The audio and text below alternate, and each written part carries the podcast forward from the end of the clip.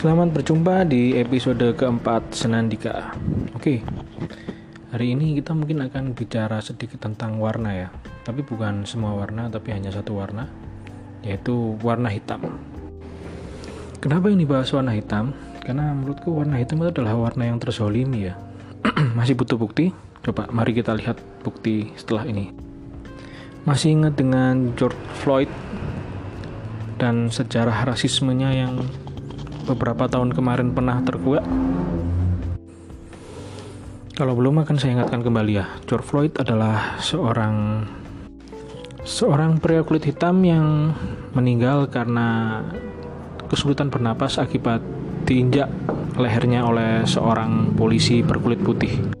Kematian ini sontak menimbulkan gerakan besar-besaran di Amerika tentang bagaimana pria-pria kulit itu hitam harus mendapatkan haknya yang sama dengan pria kulit putih dan menganggap rasisme masih ada di Amerika, negara yang maju.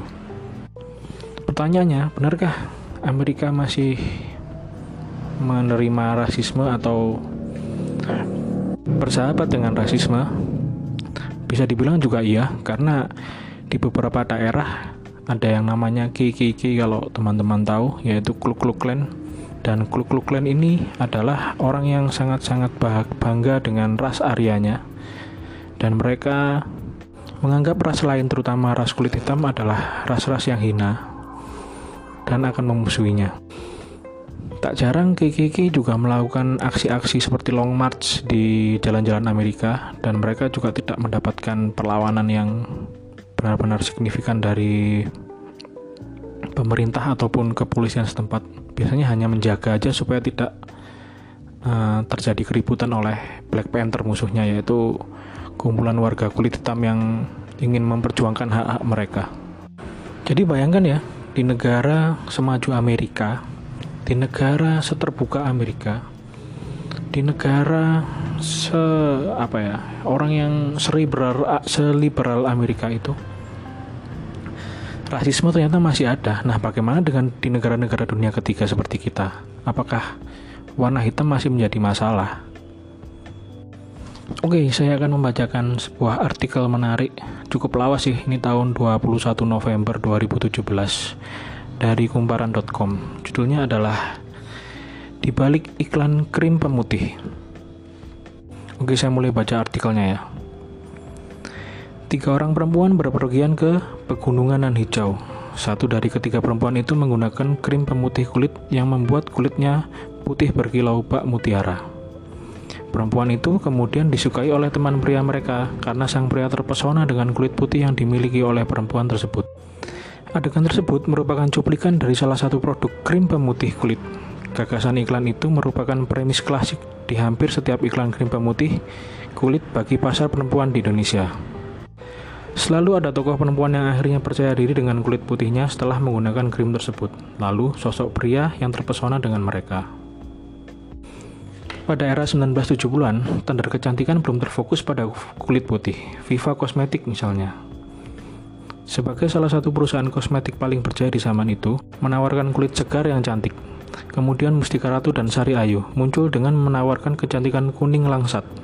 Konsep kulit putih sebagai kulit yang cantik baru berkembang pada tahun 1985. Banyak ahli mengatakan ketertarikan bangsa Indonesia terhadap kulit putih secara sosio-historis tak bisa dilepaskan dari pengaruh kolonialisme Eropa. Mungkin cukup di situ ya saya baca artikelnya.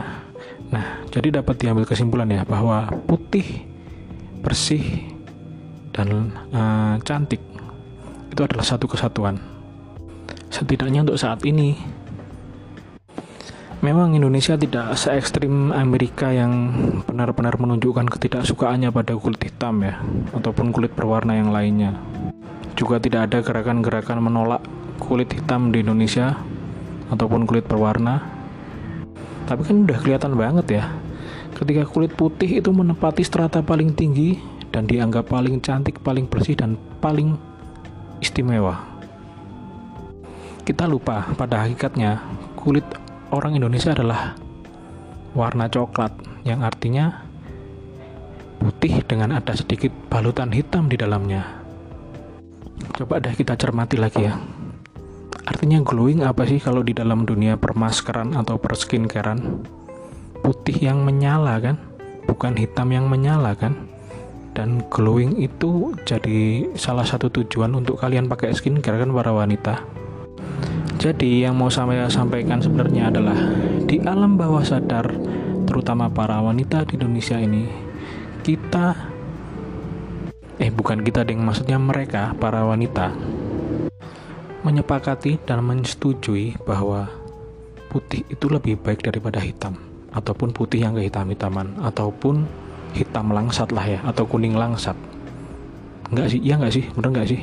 Ya kalau salah maaf-maaf aja ya tapi mungkin sebagian besar wanita seperti itu. Pertanyaannya apakah hanya wanita yang mengalami diskriminasi warna seperti itu ataupun mendiskriminasikan warna seperti itu? Jawabannya enggak juga sih. Sedari kecil, kita sudah dididik untuk membenci, membenci warna hitam. Percaya nggak?